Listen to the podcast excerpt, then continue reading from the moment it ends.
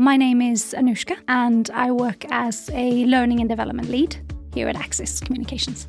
I love to be out in the nature with my family. We love to go and walk in the forest, and I also love to travel.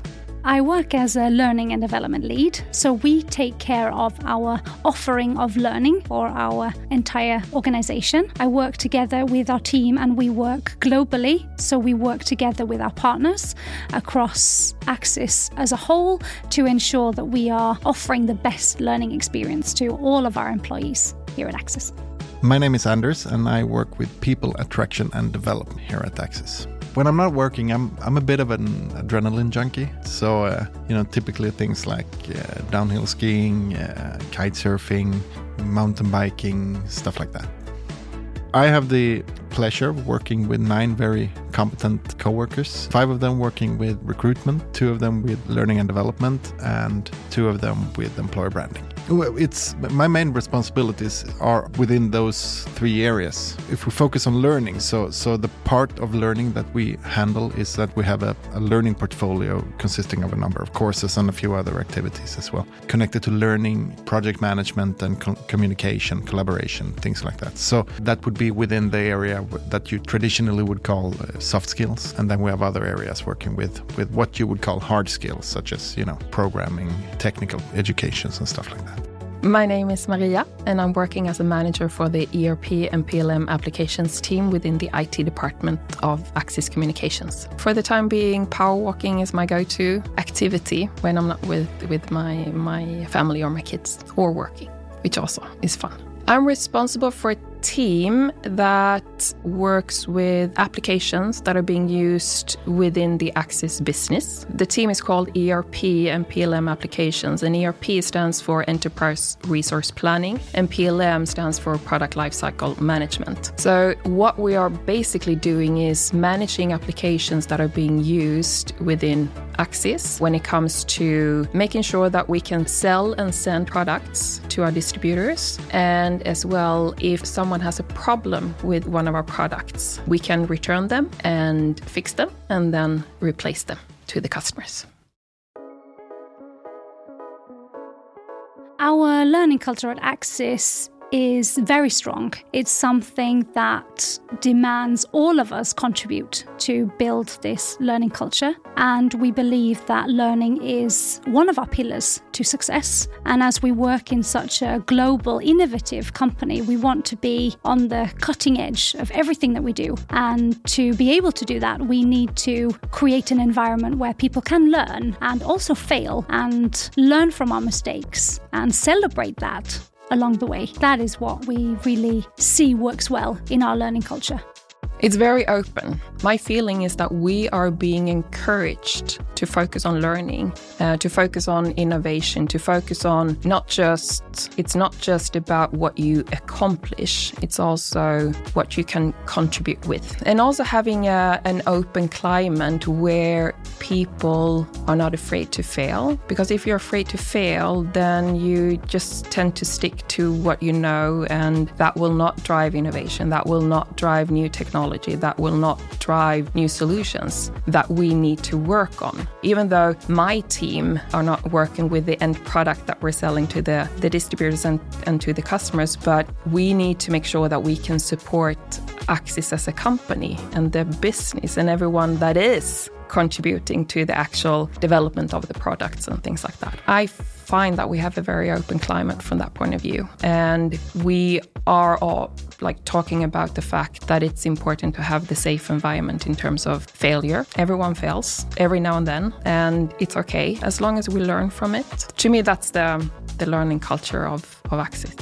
At Axis, when we think about the focus we have on learning and development and the tools needed to educate and develop our teams, this is something we always prioritize for our people and will continue to do so in different ways, which meets the support and expectations to help us to move forward. We are here to innovate and to grow, and we need our learning to help us on that journey. I have to say it here at Axis, uh, I believe we have a really strong learning culture, and that's something I'm really proud of. And it's not only formal learnings; it's also you know learning outside of the formal part of learning, and it's using tools that are not necessarily made for learning in the first place. You know, simple things like Google or YouTube, things like that. That's symptomatic for a learning culture, and that is part of the reasons why I really enjoy working here. Here at Axis, we have some incredible learning initiatives and opportunities that we offer to all of our employees. One that is close to my heart is the Axis Mentorship Program. This is a global initiative that enables us to bring people from all over the world to our head office to meet and to work together to create a customized learning journey where they can work on their own development and work together to get the help and support they need. And everyone gets the chance to grow when they participate in this program. That's one that I really believe is amazing. We also have the Axis Leadership Program, which is a program we support all of our leaders across the organization, even if you're a new leader or even if you have been a leader for many years, everyone gets the chance to participate in this to really integrate into our core values so that they understand what it takes to be a leader at Axis. And we also offer an exchange program, which enables you to work in a different part of the organization. It could be just for a day to see if there's something you're interested or curious about, or you also get the chance to maybe do a slightly longer assignment where you potentially go to a different country, work with a new team. So we offer this to be able to broaden our horizons and to encourage our employees to grow and develop outside of maybe what they get to do every day.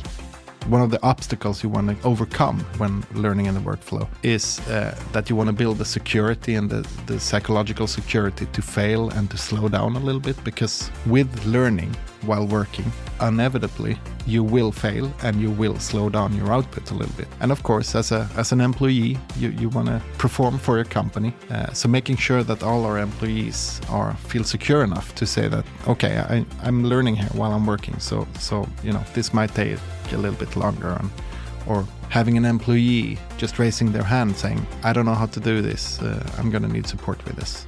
So working with that kind of security, that's that's another important part of learning that we that we want to work with. And that is what you typically would call the, the learning environment. I think what I tend to do is to like to observe behaviors from some people and say, oh, that was nice. I can do that. And oh, that person thinks that way. Oh, I'll bring that on. Getting inspiration in terms of different ways on approaching problems, getting inspiration in terms of different ways of viewing things. That's probably my biggest learning from my team. The topic of feedback is something that we hear all the time, and it can be quite a scary word when you hear the word feedback.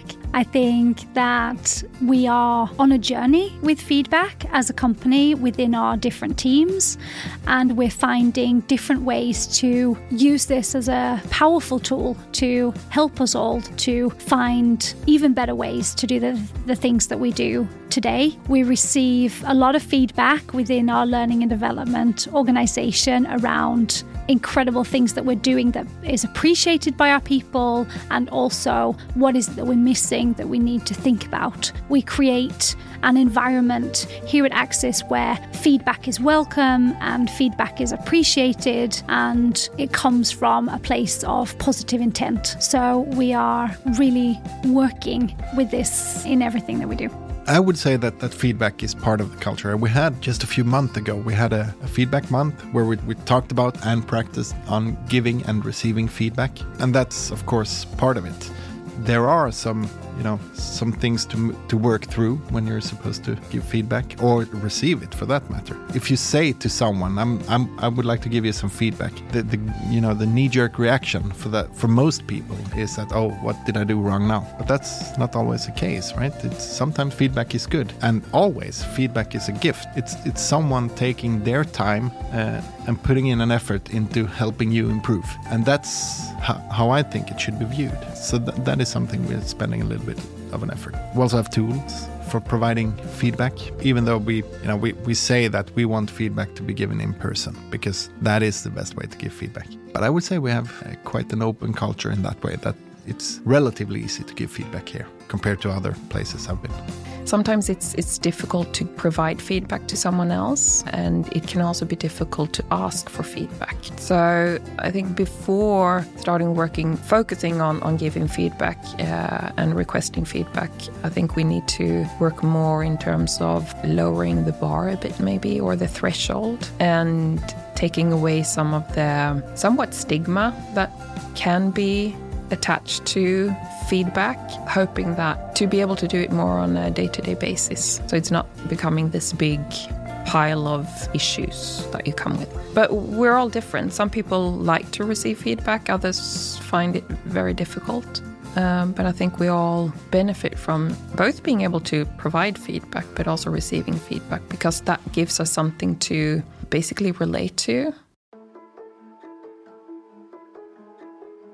My best tips for continuous learning would be that you need to own your own development journey. There are always opportunities and possibilities that you can take on, but they don't always get handed to you. So you need to look for those opportunities and own that journey yourself. That is the best way that you will succeed at Axis. At the beginning, it was like, uh, from a financial point of view, people normally talk talk about hockey sticks, and that was what it was like. Because coming from uh, the company I was working for before I joined Axis, it was an American-owned company with that type of organization and that type of company culture. And coming into Axis, I had to relearn a lot. I had been working for Swedish companies before with a different culture, and it was only when I joined Axis that I realized how much that had impacted me in terms of the way I was thinking and focus on financial stuff. So I had to relearn a lot. I had to let go of some of the things that I was used to and just try to get a feeling of of what Axis is as a company and what our values are, what what's our culture, what's important, how do we how do we value people? We don't have headcounts. We have people. We have co-workers. We have teams. It's been a nice relearning, uh, which I'm really, really happy about.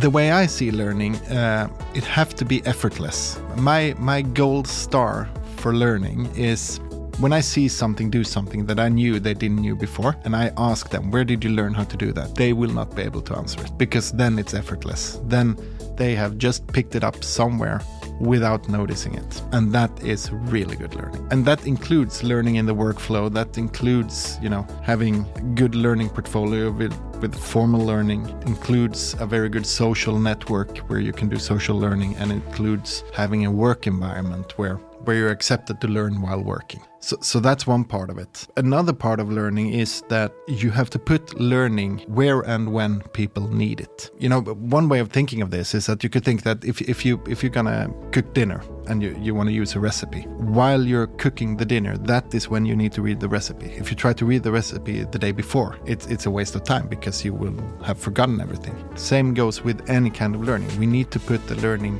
when and where people need it. Since joining Axis, I think I've been surprised almost every day about the kindness and helpfulness our people offer to each other and an incredibly exciting work environment to be in. We work so long term, sometimes things take time. And I think that's challenged me because I like things to happen fast and to move forward.